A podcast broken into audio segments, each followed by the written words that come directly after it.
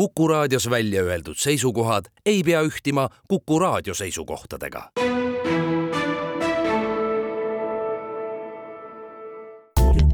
tähendused, teejuhid. tere nagu kuulete, on ala, golfimine alanud juba meeleolukalt. et äh, nagu peabki, nagu on kohane hooaja viimasele saatele, et äh, tere tulemast. Äh, järjekorranumber on siis sada neli, meil on üks saade küll varuks, mille me esmaspäeval salvestasime Tartus. aga neljandal hooajal saab siis täna joone alla tõmmatud ja, ja, ja nagu ikka, stuudios kaks külalist, tere tulemast, Andres Veispak, tere tulemast, Kivisildnik. tervitus. Tere! olime samas koosseisus äh, siin pea aasta tagasi, veebruaris ma vaatasin, on saade üles reputatud, oli, see kandis siis pealkirja Kus on puurivõti? Ja me rääkisime, kui ma õigesti mäletan, Bellowst ja tema sellest Samleri planeedist. Samleri planeedist, jah. see on väga populaarne saade, see on vaadatavuse kuues meil, kui nüüd vaadata tundide, tundide arvu. nii et äh, loodame, et tänane saab olema sama menukas teema justkui annab lootust, et äh, ma panin sellele siis ähm, pealkirjaks vandenõuteooria sada üks. sada üks ei viita nüüd küll konkreetsele, äh, konkreetsele teooriale, vaid pigem sellisele sissejuhatuslikule momendile. Nagu see on õppeainetes on see sada üks või see one oh one nagu viitab, viitab sissejuhatusele Põhja-Ameerika kontekstis vähemasti. nii palju siis sissejuhatuseks, et tõepoolest äh, teemaks on siis täna vandenõuteooriad selle kõige laiemas tähenduses äh, veel kord plaanis ei ole keskenduda neist ühelegi konkreetselt, kuigi ka see noh, näiteks võib seda ka teha, aga et pigem mind huvitab küsimus, et äh, mida need meile üldse räägivad siis praegu niimoodi oma sellises kogu korpuses, mida nad ütle-, räägivad meist ja meie ühiskonnast. ja et see asi ei läheks liiga laiali, kuigi selles ei ole iseenesest midagi hullu, äh, pakkusin teile välja arutluse käimalükkajaks Charles Eisensteini essee Cons Conspiracy Myth, mis ilmus siis selle aasta kusagil kevadel. Kroonimise me tõlkisime ära ja see oli kohe järgmine, mis sealt tuli, nad paljuski kattuvad. ja pane, viskan siit kohe esimese küsimuse, jõudsin seda natuke siin täna konspekteerida ka paar lehekülge. eks ma siis siit järgemööda lähen, et mida me vandenõuteooria all mõistame? hakkame Svenist pihta, et kui, mis, mis siis mis tuu on, ikka sama küsimus? no eks ta on äh, Ameerika luurajate poolt välja mõeldud sõimusõna, millega siis sõimatakse lurjuseid, kes ei usu ametlikku valet, näiteks ametlikku valet Kennedy tapmise kohta mm. -hmm. et nii see, nii see üldjuhul ongi mm. -hmm ja mis ei tähenda muidugi seda, et kõik inimesed, kes ametlikku valet ei usu, oleksid normaalsed, terved ja targad, nii nagu ka ametlikud valetajad seda ei ole ja arvan, et seal see protsent võib-olla pigem, pigem ikkagi võib-olla vandenõuteoreetikute kasuks, ma mõtlen nende tervemate ja mõistlikumate ja et ja, ja vähemasti võib-olla julgemate ja riski, rohkem riskivalmis inimeste protsent ja see äratab ka usaldust, vähemalt minusugusel sportlasel ikkagi ja mägironijal äratab usaldust inimene, kes võtab riske, mitte tädi, kes noh, vaikselt heegeldab mingisugust soovõrdsuse pitsi kuskil, aru saamata, mida ta teeb ja milleks et jah, see on sõimusõna, see on sõimusõna ja. ja see on see, kuidas valitsus sõimab oma vastaseid, Vene ajal olid teised sõnad, selleks oli rahvavaenlane, Nõukogude vastane agitaator, kahjur, noh, tänapäeval on ka neid sõnu mitu, aga aga kui sa mingi jah, sõnavõtu, sõnavõttu teed, siis väga sageli oled sa vandenõuteoreetik, ükskõik mm, -hmm. kas sa siis ei usu Estonia, Estonia asja, sa ei usu mingisugust vanadussurma uut nime või, või, või on sul muid patte no näiteks sa, sa arvad, et mingi Hugo Chavez ja kommunistide tehtud valimismasin on nagu, no ei usu seda, et see on üks maailma kõige õigem ja, ja õigem ja ausam masin üldse. meil on ta kasutusel ja noh, meil ju ka usuvad inimesed, et see on üks hea masin. Ameerikas on neid usklikke väga palju, eriti ajakirjanike hulgas. ja lurjuste hulgas muidugi ka. ei no mis me siin pikalt, sellega ma arvan, et see definitsioon võib-olla, võib-olla on saanud selgemaks. no ühesõnaga, kui nüüd kokku võtta, sõimusõna on ta tõesti üks, et lihtsalt heitmaks varju nendele, kes ei usu ametlikku versiooni sündmustesse, on tõesti, tõepoolest mulle tundub ka üks võimalik viis seda defineerida. Andres, mis sa lisad sellele? tuleb nõus olla ta on kindlasti, kindlasti on ta negatiivse konnotatsiooniga sõna, aga ma võib-olla tõmbaksin selle, selle võrgu natuke, natuke laiemaks. selles mõttes, et ma vaatasin, et esimest korda vist tuli sõna vandenõuteooria või vandenõuteoreetik vist esimest korda tuli kasutusele, kas see oli üheksateistkümnenda sajandi lõpus, kahekümnenda sajandi, sajandi alguses.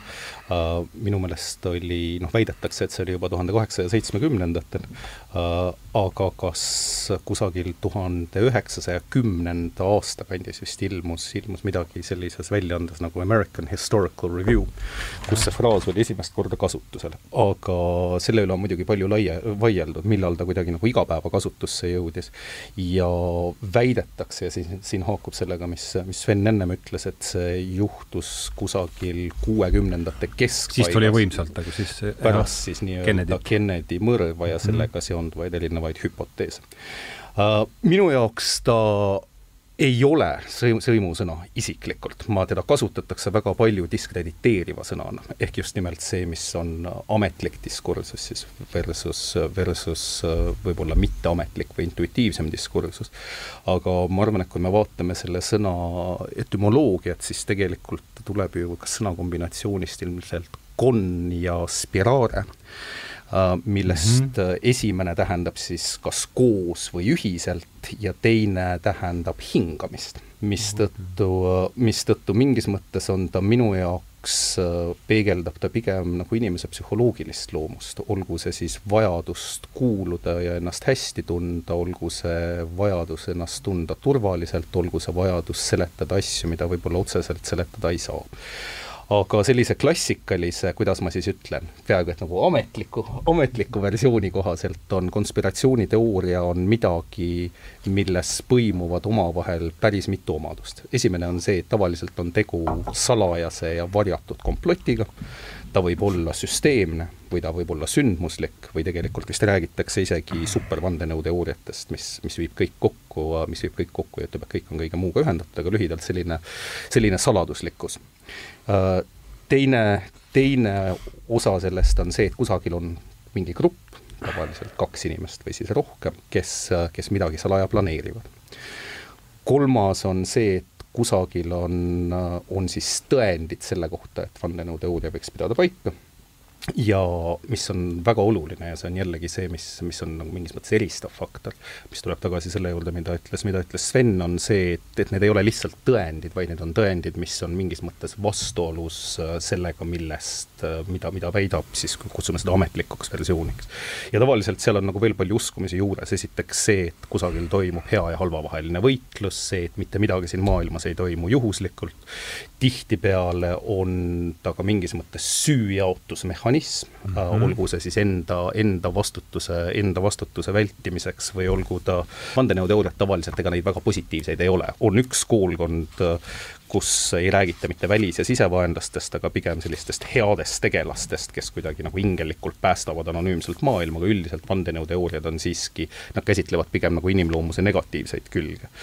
ja viimane ja viimane osa vandenõuteooriast võib-olla on see, et nad on tihtipeale, nad mitte ainult ei, ei eira alternatiivseid seletusi, aga nad tegelikult ei ole ka ümberlükatavad mm -hmm. eelkõige nende, nende jaoks, kes neid usuvad mm. -hmm. ja võib-olla viimase asjana, enne kui ma siin oma monoloogi liiga pikalt, liiga pikalt pidama jään, pidama jään, siis selgelt tuleks minu meelest teha vahet vandenõul kui sellisel ja vandenõuteoorial.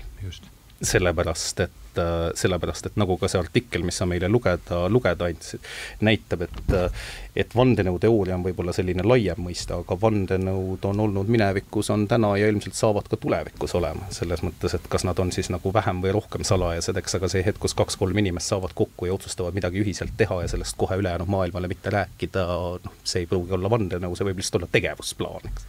Uh, nii et ta on väga lai mõiste ja ma arvan, et see, mis Sven ütleb, on kindlasti õige, et ta on, ta on ääretult negatiivse konnotatsiooniga sõna nagu tavakasutuses uh,, mis kuidagi peaks küsi-, küsimuse alla panema nende inimese usalduse, kes nendesse kas usuvad või propageerivad.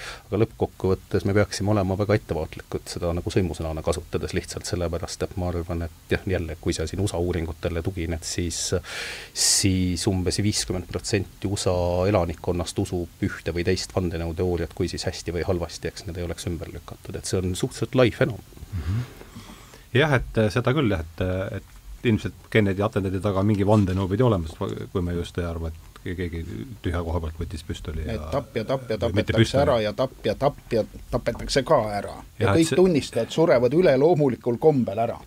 Ja lõpuks on kõik surenud. natukene, natukene liiga palju, noh, ainult noh, tapjaid ja tunnistajaid vaadates, rääkimata laskjatest, nurkadest, noh, kõigest sellest, mida seal noh, see on nii pikk teema ja selle kohta on raamatukogusid kirjutatud ja noh, kuidas sa nüüd siis ütled, et noh, ikkagi pigem on lihtsamini ümberlükatav see ametlik versioon kui vandenõuteooriad. et selles mõttes see nagu vandenõuteooriaks ei sobi, sest ta noh, ei ole nii lihtsalt ümberlükatav, kui et pigem ikka see, ikka see ametlik on see nagu vastab selle, selles mõttes sellele vandenõu definitsioonile, et noh, no nagu kuidagi selline Ma i- jah, ühte ei saa jõuga ümber lükata ja teist nagu ei saa mõistusega ümber lükata, et seal muud vahet nagu ei ole.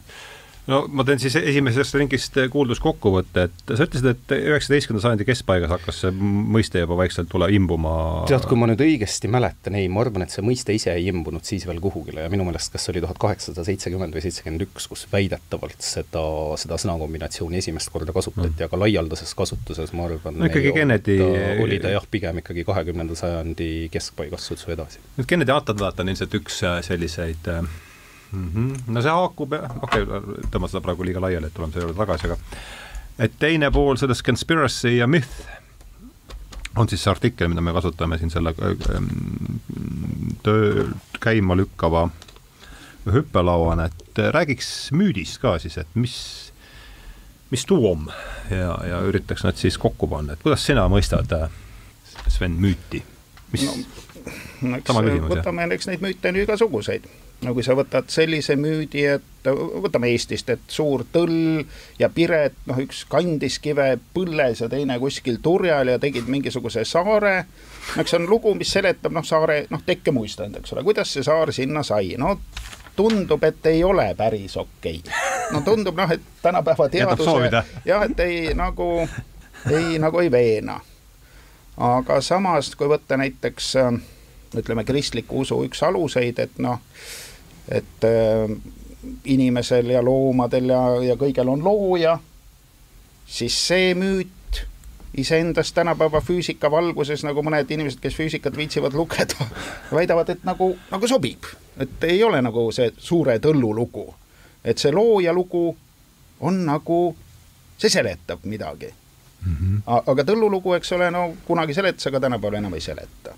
ütleme, et müüte on eri- erinevaid jah mm, -hmm. ja mõned neist on väga-väga komplitseeritud ja, ja selliseid jätavad mulje nagu niisugusest peaaegu ulmeromaanist, kui lugeda Maia de Popol Vuhhi, nende loomislugu, siis on veel keerulisem kui piiblis ja palju keerulisem ka kui sumeritel. noh, seal oli vist neli inimese loomise katset, no erinevad seal erinevad põhjused, miks nad nagu halvasti läksid ja mis seal hästi läks. et see on eesti keeles olemas, see raamat, seda võib lugeda ütle nimi see- ütle nimi see-, ütle nimi palun veel. Popol Vuh. Et see on selline, minust andis ilma maada kunagi välja ja väga huvitav lugemine ja väga, väga selline detailne. et noh, mõne, mõned müüdid on nagu sellised väga-väga pealiskaudsed oli, see Maiade või? jah, jah. ühesõnaga mingisugune vana tarkus, mis on siis nagu suuliselt edasi antud, et kunagi olid neil koodeksid, neid koodeksid ei ole ju palju järgi ja, ja see on siis ilmselt noh, mingite vanade, vanade kunagi üles kirjutatud õpetus, millest sai suuline asi ja siis jälle kirjutati uuesti üles kunagi, no midagi sellist.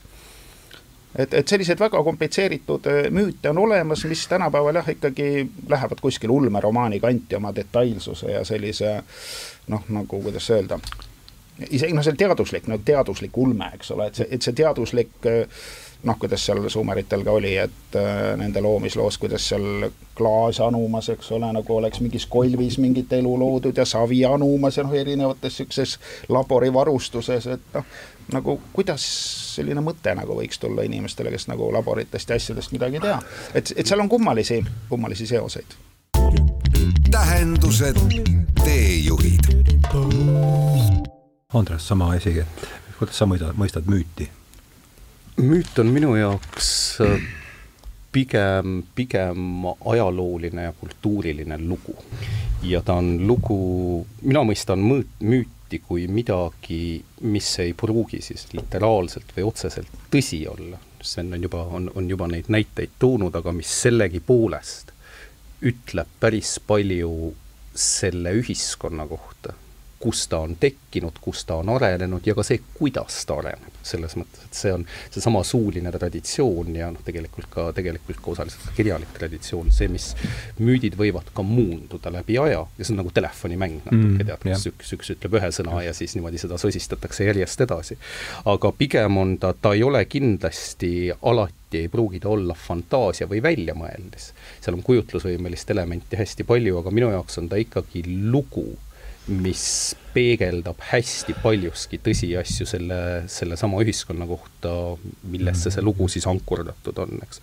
ja samamoodi noh, minu minu, ma arvan, esimene kokkupuude müütidega oli varajases lapsepõlves, kuna, kui, kui oli vist äh, Nõukogude ajal oli selline vahva raamat Vana-Kreeka muistenditest, mida, mida ma arvasin, ma arvan, et ma lugesin seda vähemalt, vähemalt viiskümmend korda otsast, otsast lõpuni läbi. aga seesama Vana-Kreeka muistend on suurepärane näide sellest, kuidas tegelikult Vana-Kreeka jumalatele on ju omistatud kõik needsamad inimlikud omadused, mis ringiga toob meid väga kiiresti, ma arvan, vandenõuteooriate ja kõige mm -hmm, muu juurde tagasi.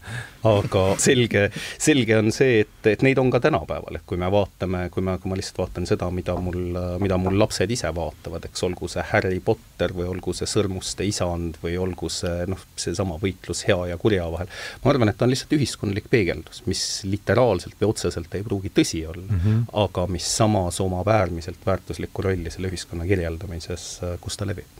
Jah, ma panin ka sihuke, Charlesi artiklist, et müüdid on tõe edastamise vahendid.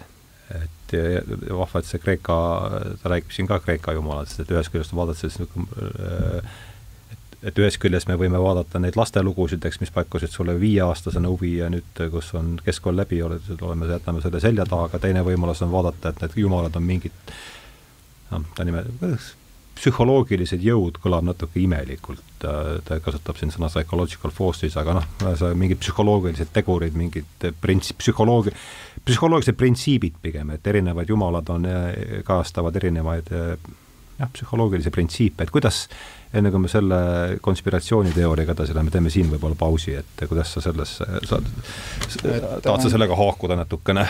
et jumalad on siis nagu inimese mõistuse mingid või hinge aspektid. just, jah, jah, inimese no, mõistuse selle, hinge aspektid no, just, jah. siis siit, siit me jõuame jälle sinna välja, et mis see inimese mõistus siis meil on, et kas ta on raadio, kes võtab kuskilt mingeid laineid vastu mm, -hmm. on ta plaat, no või plaadimängija, kuhu pannakse plaat sisse, ta mängib mingit plaati, või on ta siis mingi arvuti, kes võib ise ka midagi välja arvutada. et kas see jumal on siis plaat, on ta raadiosaatja või ta on protsessor või on need erinevad asjad, et eh, osa jumalaid mm -hmm. esindavad protsessoreid, osa esindavad CD-plaate, osa esindavad raadiosaatjaid. et eh, see oleneb sellest, mida me jah, nagu inimese mõistuse all nagu, nagu silmas peame, et kust siis ikkagi inimene, kust need ideed tulevad. Kust nad mm -hmm. tulevad mm, -hmm. no ükskõik, kas kirjanikul või, või Teslal või, või Vangal või noh, mis, mis alusel et kas see on loogika, mingisugune lihtsalt masin, mis ise kõike teeb on ta mingisugune, ütleme, plaadilugeja, ta loeb näiteks geneetilisest koodist midagi välja mm -hmm. või millestki muust või ta vastab, võtab üldse vastu mingisuguseid no ma ei tea, mis tüüpi laineid või, või sagedusi, mis iganes ollust, noh, seda on, keegi ei tea ka, ega meil universum on suur osa mingisugust meie jaoks arusaamatut mateeriat ja arusaamatut energiat, et no mis sa oskad selle kohta siis öelda, mis see teadvus sul täpselt on, et see võib nii olla, see -hmm. võib kindlasti nii olla, aga jah, et kui ta nüüd on ikkagi raadiosaatja näiteks, et siis ta tähendab hoopis midagi muud. või raadio vastuvõtja. ei no jah, no, no vastuvõtja eeldab seda, et kuskilt noh, et see vastuvõtja ise midagi mm -hmm. ei tee, et seal on see oluline asi, et protsessor nagu okay. midagi teeb, aga et vastuvõtja lihtsalt noh, võtab vastu, võimendab ja, ja, ja noh mm -hmm., väristab õhku, nii nagu kuskil on see salvestatud. et ta võib nii olla muidugi mm, -hmm. aga, aga mis ta siis ikka on, ega sellele ma vastust ei saa nojah, siin jõuamegi selle alg- äh,, Eisenstein jõuab ka ka siin selle algse, algse müüdi juurde lõpuks välja, et me sinna või al-, alus, meie praeguse elukorralduse alusmüüdi juurde. aga no eks sa, sa niikuinii konstrueerid tagantjärele selle asja, aga su-, suudad sa meenutada, et mis sind nii võlus nendes Kreeka muistendites, mida sa et veel kord, ega sa tolleaegset mõtlemist vaevalt sa nüüd suudad taastada, aga, aga siiski, isegi, isegi kui mitte mõtlemist, siis, siis ma arvan, et, ma arvan, et tunne ise on mul, on mul alati meeles. Esiteks ma arvan, et need olid huvitavad ja kaasakiskuvad lood mm. -hmm ja ma arvan, et see ei ole väheoluline tegelikult ka selle teema puhul, mida me käsitleme siin. eelkõige sellepärast, et, et selline võib-olla nagu materiaalne teaduskesksus, mis suuresti kirjeldab seda maailma, milles me täna elame, on põhjalik, nüansirohke, vaevarikas, äärmiselt spetsialiseerunud ja selgelt mitte täielikult mõistetav sellepärast et kui viissada aastat tagasi sul võisid olla tegelased nagu Leonardo da Vinci, kes ikkagi haarasid hästi suurt spektrit sellest, mida tol ajal teati, siis tänaseks on see, on see ikkagi muutunud äärmiselt spetsialiseerituks mm -hmm. ja need lood ei ole nii huvitavad. sellepärast, et no, sellepärast sageli äärmiselt ebahuvitavad. just sellepärast, et, et viiskümmend lehekülge valemeid ei ole selgelt, ei ole selgelt Äh, sama huvitavad kui, äh, kui see, kuidas, kuidas Hera sai läbi, läbi Zeusiga või see, kuidas, kuidas jumalad omavahel, omavahel võitlesid aga ta võib-olla, kui sa tuled selle psühholoogia juurde tagasi, nagu, nagu tegelikult nagu Sven ütleb, see on, sa võid, neid dimensioone on seal äärmiselt palju. aga ta on ikkagi ühel hetkel, näitavad nad ka mingisugust vajadust selguse järele mm. -hmm. ja vajadust või uskumust, et kõigel peab olema kusagil mingi põhjus. et asjad lihtsalt ei juhtu iseenesest ja kõige lihtsam põhjus tihtipeale on see, et seal kusagil on Jumal, kes niimoodi tahtis, eks mm, -hmm. ja see võis olla hea Jumal, see võis olla halb Jumal, see võis olla neutraalne Jumal, eks. ja noh, maailmas ega, ega igal religioonil maailmas ei pruugigi tingimata olla Jumalat alati ja, ja mõnedel religioonidel ei olegi, eks. aga ma arvan, et ta loomulikult ta kasvab välja inimese psühholoogiast, nagu sa, nagu sa ütled, Hardo, aga aga ma ei täp-, täpselt, millist nüanssi sellest esile tõsta, on, on õudselt keeruline. küll ma aga arvan, et meil on vajadus seletada kas siis rohkemal või vähe, vähem rahuldaval viisil seda, mis meie ümber ja mis meiega toimub ja kui ühel hetkel võrrandeid ei taha lugeda, kui võrrandeid ei ole, siis astub mängu Jumal.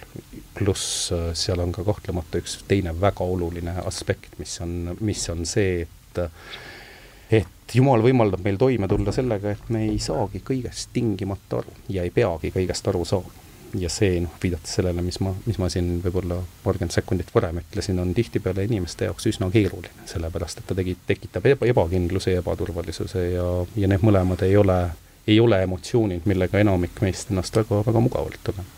Nojah, üks võimalus seda seletada ongi, et, et selle tänapäeva äärmuslike spetsialiseerumise käigus, kus keegi kirjutab artikli, teeb sinna joonealuse viite ja sellest joonealuse viites kirjutab keegi artikli, milles on omakorda seitse joonealust viidet, et see see pihustub, see pilt pihustub nii ära, sellest ei oma isegi ju ettekujutust enam erialateadlased, ammugi siis inimene tänavast, kes lõppude lõpuks ju kogu selle tralli kinni maksab oma, oma taskust, et nendel on ikkagi vaja mingit sellist ühendavat lugu, mis selle ju mingiks tema jaoks arusaadavasse vormi paneb ja ma arvan, et siin on müüdid ma lihtsalt viskan üles, võtan väikse kokkuvõtte ja, ja annan teile siis võimaluse seda kommenteerida, et need võimalikud vandenõuteooriad siin praegu sellist rolli ka täidavad, et ütleme, et eks igal, igal ajal on need müüdid erinevad ja vandenõuteooriad on erinevad, kui kui me võtame kas või piibli, ega see on ju ka vandenõuteoreetiline teos selles mõttes, et noh, paranoiline luul on, et keegi kontrollib asja, eks ole,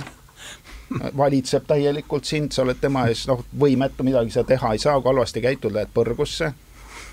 Noh, kõik, kõik äh, maailmas on korraldatud, noh, sinnamaani, eks ole, ja ilmselt edasi korraldatakse ka, noh, on veel ilmutused, mis näitavad, mis edasi tuleb ja prohvetid, mis räägivad, mis edasi tuleb, kui sa sõna ei kuula, tavaliselt tuleb halvasti.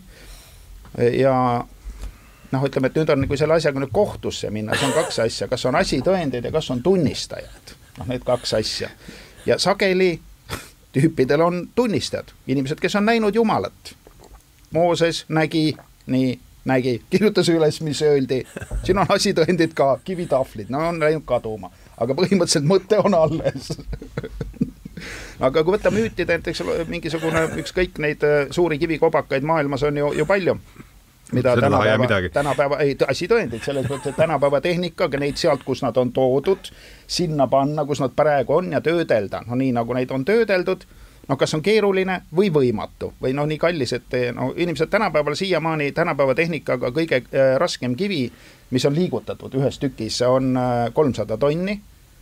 See on Ameerikas viidi ühe kunstimuuseumi nagu ukse ette, mingi käik, käikleb alt sinna kuskile mm, -hmm. saad installatsioone vaadata, siis toodi suur kivi, aga see, noh, see on lihtsalt üks kivi, eks ole, teda ei ole seal midagi töödeldud ega midagi, ta on toodud mööda siledat maad seal ei ole vahepeal jõukäsid, Stonehenge'i need kivid on toodud sealt alt nurgast, Inglismaa nurgast seal vahepeal. palju need kaaluvad, kas oled materjalidega tutvunud? ei tea, eks neid kõike saab, saab guugeldada, nad on ikkagi kaunis rasked, arvestades seda, et nad on toodud ikkagi väga, väga läbi keerulise maastiku, kus nagu väidetavalt ei olnud ei teid ega sildu ega ei olnud ka mingit tehnikat, millega neid ei teid ega sildu teha ja ega vedada ega tõsta ega töödelda peale siis ma ei tea, mis tavaliselt on nad pronksiaegsed, eks ole, need kivikobakad kultuurides, kus ei tuntud õigeid veoloomi ega ratast, noh et see kõik, noh, et on mingid asitõendid siiski on ka olemas osadel müütidel, on olemas.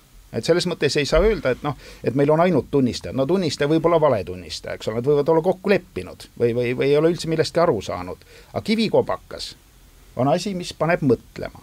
ja kui selle kivikobakaga on seotud mingisugune vandenõuteooria või müüt, siis ta mõjub veidi teistmoodi kui lihtsalt selline, et mingi džungli suguharu teadis mingit tähtkuju kuskil, eks ole. võisid teada, aga keegi võis neile öelda selle hiljem, võib-olla sada aastat tagasi või viiskümmend aastat tagasi, korraldasid seal midagi, et kuulge, rääkige, et te teadsite seda, siis tulevad nad siia, toovad teile klaashelmeid ja õlut, eks ole, ja rääkige seda juttu. noh, võib-olla seda saab nii seletada, aga kivikobakat sa nii ei seleta. et siiski osadel müütidel on väga, väga veidrad, väga veidrad asitõendid mida, mhm. mida ei saa ümber lükata, et selles mõttes nad jälle ei, müüdid ei lähe kõik nagu vandenõuteooria alla, et noh, asitõendid on olemas. selle osas ma arvan, et me oleme enam-vähem ühel nõul, et äh, lugedes seda artiklit, sedasama Eisensteini artiklit äh, vandenõuteooriatest, esimene asi, mis ka mulle pähe tuli, olid paralleelid usuga tegelikult, paralleelid usuga, paralleelid äh, jumalatega ja eelkõige inimeste taotlus maailma enda ümber selgitada ja kuidagi paigutada seda mina või meid mingisugusesse laiemasse, laiemasse asjade konteksti. et, et ma arvan, et seal sarnasusi on, seal sarnasusi on palju ja neid ei ole mitte ainult, noh, nad ei pruugi alati olla religioossed, ma arvan, et seal on sekulaarsed, ma arvan, et iga, iga riigi ja rahvusega kaasnevad omad müüdid see võib olla Kalevipoeg või Suur Tõll või, või Vabadussõda või noh, ükskõik mis, aga selline kangelaslik meie projektsioon, mis, mis annab inimestele ühendava joone. ja seesama ühendav joon ja kuulumine on, on, olgu see noh, ükskõik milline see kooslus ka ei oleks, eks on, on, on ikkagi lõpuks oluline ja seal, seal ma arvan, on suur sarnasus sellel, mis on sekulaarne ja sellel, mis on religioonne mis nüüd puudutab, äh, mis nüüd puudutab neid erinevaid vandenõuteooriaid, siis mul on väga raske uskuda vandenõuteooriat, mis ütleb, et maa on lame, eks.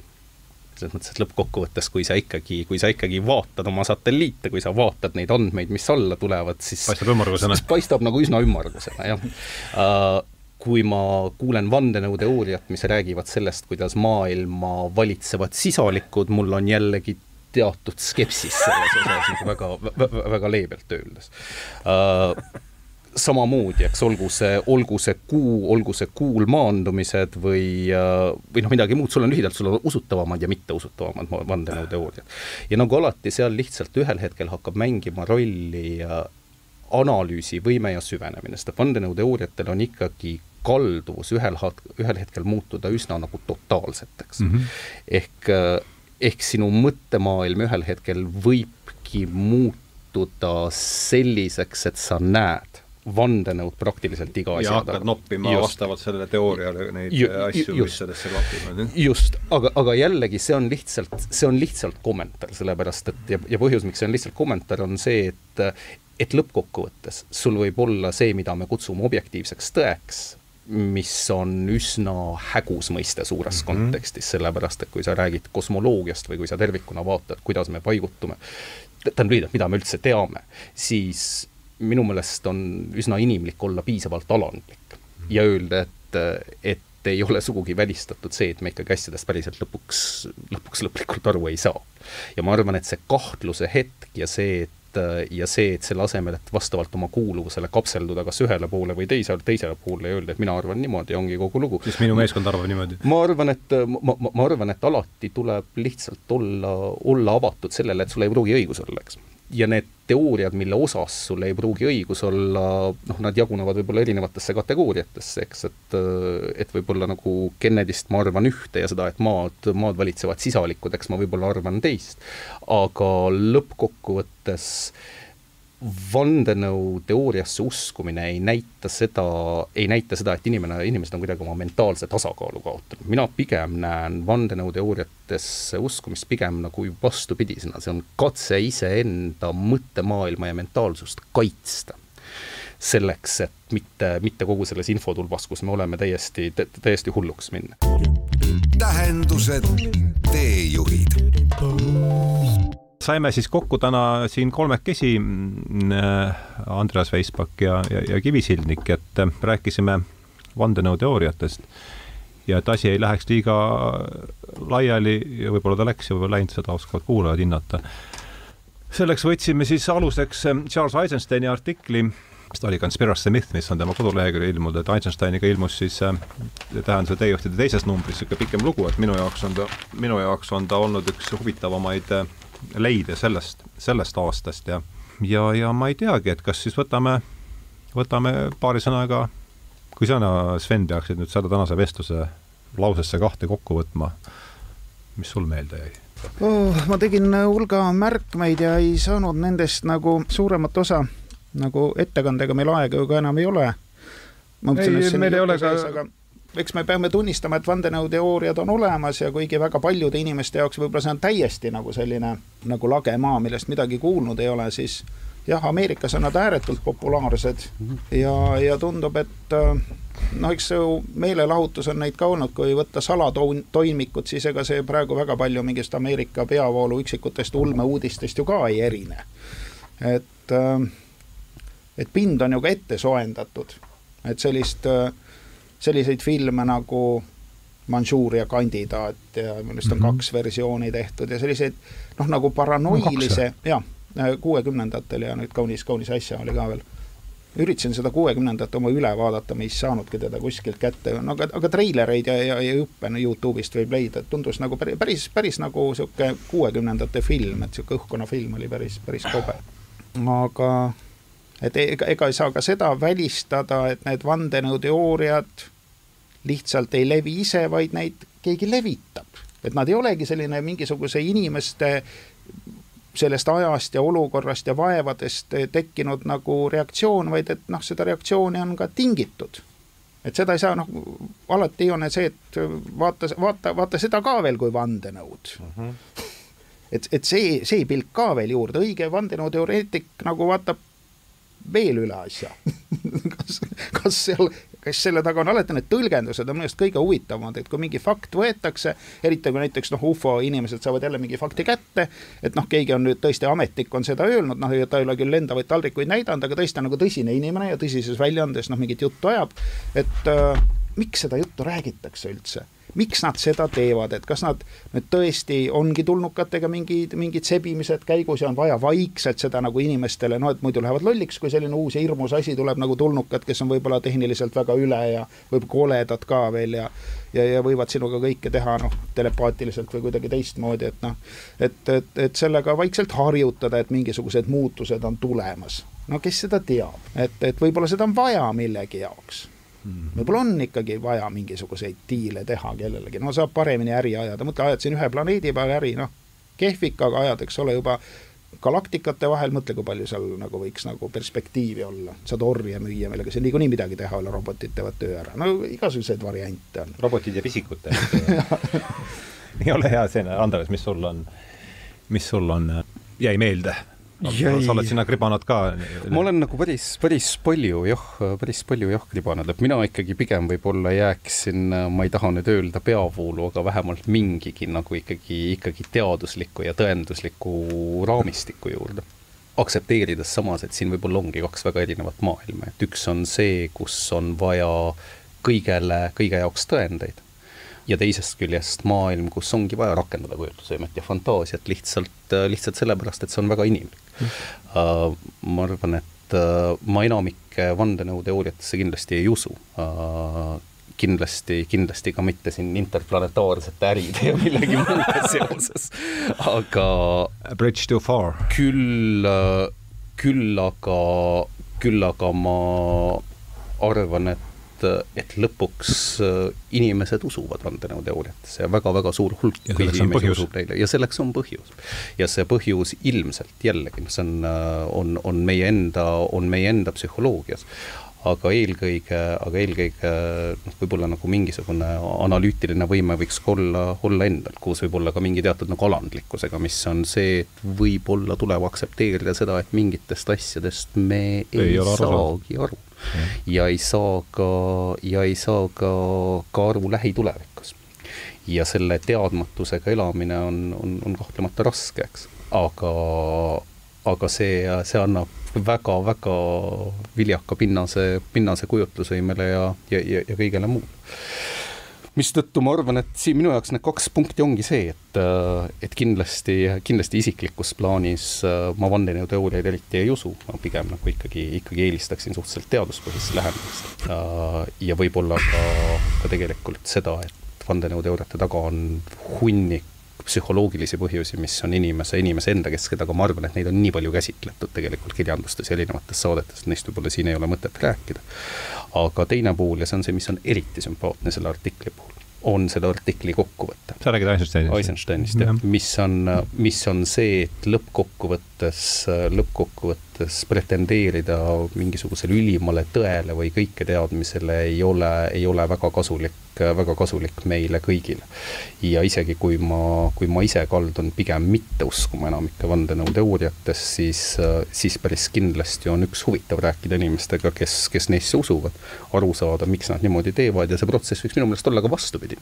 ma arvan, et see, mis me siin tänase vestluse käigus nagu selgelt näeme, on see, et on ju täiesti, täiesti nagu reaalne on pidada selliseid, selliseid arutelusid, ilma et peaks, üks peaks istuma ühes nurgas, teine teises nurgas ja siis luubime teist, teineteist üle ruumi kividega eks mm, -hmm. et mhm. et see on lihtsalt võib-olla nagu lugupidamise ja lugupidamise ja lihtsalt teineteise ärakuulamise asi. ja see on, seda on võib-olla praegusel hetkel meil rohkem vaja kui, kui midagi muud. absoluutselt, ma olen täiesti nõus. ja noh, ma, minule, mina panin kirja siin see viimane mis Sven pillas siin selles, et igal hommikul tõmmatakse surmasaak käima, et see jäi mulle kuidagi kõrva, et ja siis mulle meenus, et miks, mina lõpetasin raadio kuulamise ära juba, ma ei tea, kakskümmend aastat tagasi ja mis mulle lõplikult käis, oli ka ajudele, käis ajudele see, et hommikul aga olid need liiklusuudised.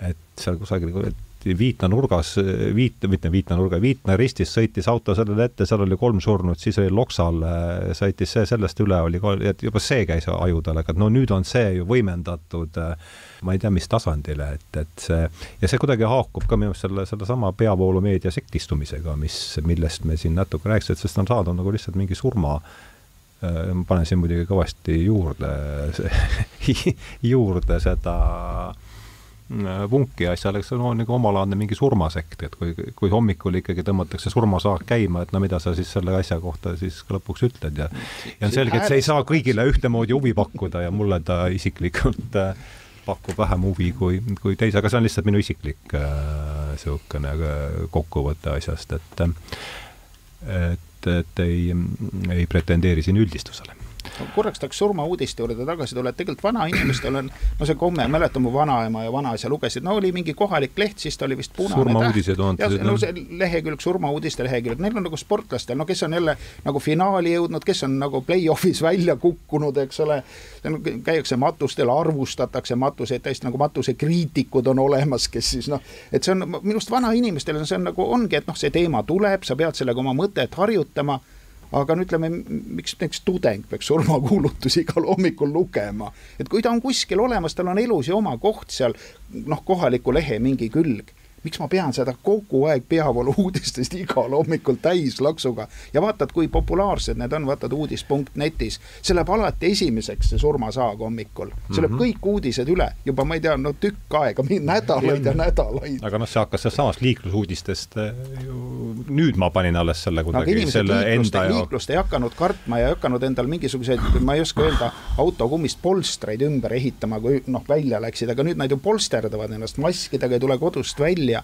et see ikkagi muudab elu praegu, mis toimub. mina pean tunnistama, et ma ei saa üldse aru, millest te räägite. et aga... surmasaag no see on see mina nagu pigem no, mõtlen, et no, millega, millega need uudised mitu inimest hommikul suri, mitu nakatus ja noh, mina uudiseid ei vaata, ma ei, ma ei tea palju, aga see ju kevadel ju koondus kogu maailm kokku ju ühte, ühte tabelisse, et kui palju uusi surnuid, kui palju ja soomlased mis sina seal kommenteerisid no,, et oli miinus üks? see on ju ka ikkagi jube, jube lihtsustatud, eks, mis on no, see, et selge, selge on, on see, et see on, see on see, kus ühiskonna fookus on ja kuna enamik inimesi istub kodus, eks, ja istubki kodus sellepärast, et me oleme selles olukorras, noh, ärme, ärme üldse viirusest ja kõigest muust igaks juhuks sinna rääkima hakka, eks, siis on see selgelt midagi, mis inimestele, mis inimestele huvi pakub. aga see, mis minu jaoks jääb täielikuks müstikaks, on, on see, on see kuidagi nagu selle, selle surma prevalentsus, minu meelest on see midagi, mille vastu meie ühiskond üks kahest, kas ei räägi sellest surmast tervikuna, et mhm. see on kuidagi nagu ära pandud kuhugile. ja nüüd ta tuleb tagasi ja, sellise ja teine asi, ja teine asi, mis on huvitav, on see, et mingitel hetkedel, kus see läbi käib, siis inimesed tuimestuvad selle vastu väga kiiresti, mulle tuleb alati meelde see lugu sellest viieaastasest Süüria poisist, kes ühel hetkel, ühel hetkel uhuti uppununa kuhugile rannale. see, see oli keset sedasama nii-öelda migratsioonikriisi mm. -hmm. Uh, ilmselt uh, il,, ilmselt jälle, eks ma kujutan ette, et on, et on inimesi, kes tõenäoliselt arvavad, et, et lugu ei ole tõsi ja tegelikult nagu mitte midagi ei juhtugi ja pole seal kedagi uppunud ja nii edasi, noh, mina seda tegelikult ei usu, eks, aga siis see on täiesti hämmastav, lõpuks sul on surnud, sul on surnud poiss rannas, see puudutab enamikke vähemalt nagu Euroopa elanike suhtes, noh, kõik panevad seda tähele, ja siis, siis läheb kaks nädalat mööda ja, ja ongi kõik, eks. ja mhm. selles mõttes, et jällegi, surm ja kogu see halb pannakse kuhugile vaiba alla, eks, ja, ja seda, et mingisugused teatud konfliktid nihkuvad meile üha lähemale ja lähemale Äh, võib-olla, võib-olla see, võib-olla see saag, nagu te teda kirjeldate, ei olegi, ei olegi nii asjakohane. väga selge, siin äh, saa-, saendusse ei jõua enam minna, et tõmbame siin joone alla, et äh, kahe tunni peal tundub olevat nii enda kui kuulajate niisugune piir praegu, et aitäh tulemast, et äh, Andreas ja, ja Sven, et äh, rääkisime siis täna vandenõuteooriat, sisse, sissejuhatus vandenõuteooriatesse oli tänane tänase jutuajamise teema, tänan teid kuulamast ja ja sellega on neljandal hooajal ka joon all, et et see oli saja neljas saade, nüüd homme-ülehomme paneme välja ka saja viienda saate, mille me salvestasime Tartus ja, ja siis tõenäoliselt jaanuaris on vähe rahulikum, et muid asju teha, et et veebruaris, kui puhvet veel püsti püsib selleks ajaks, et siis äh, jätkame uute vestlustega, et aitäh ja ja järgmiste kohtumisteni. tähendused, teejuhid.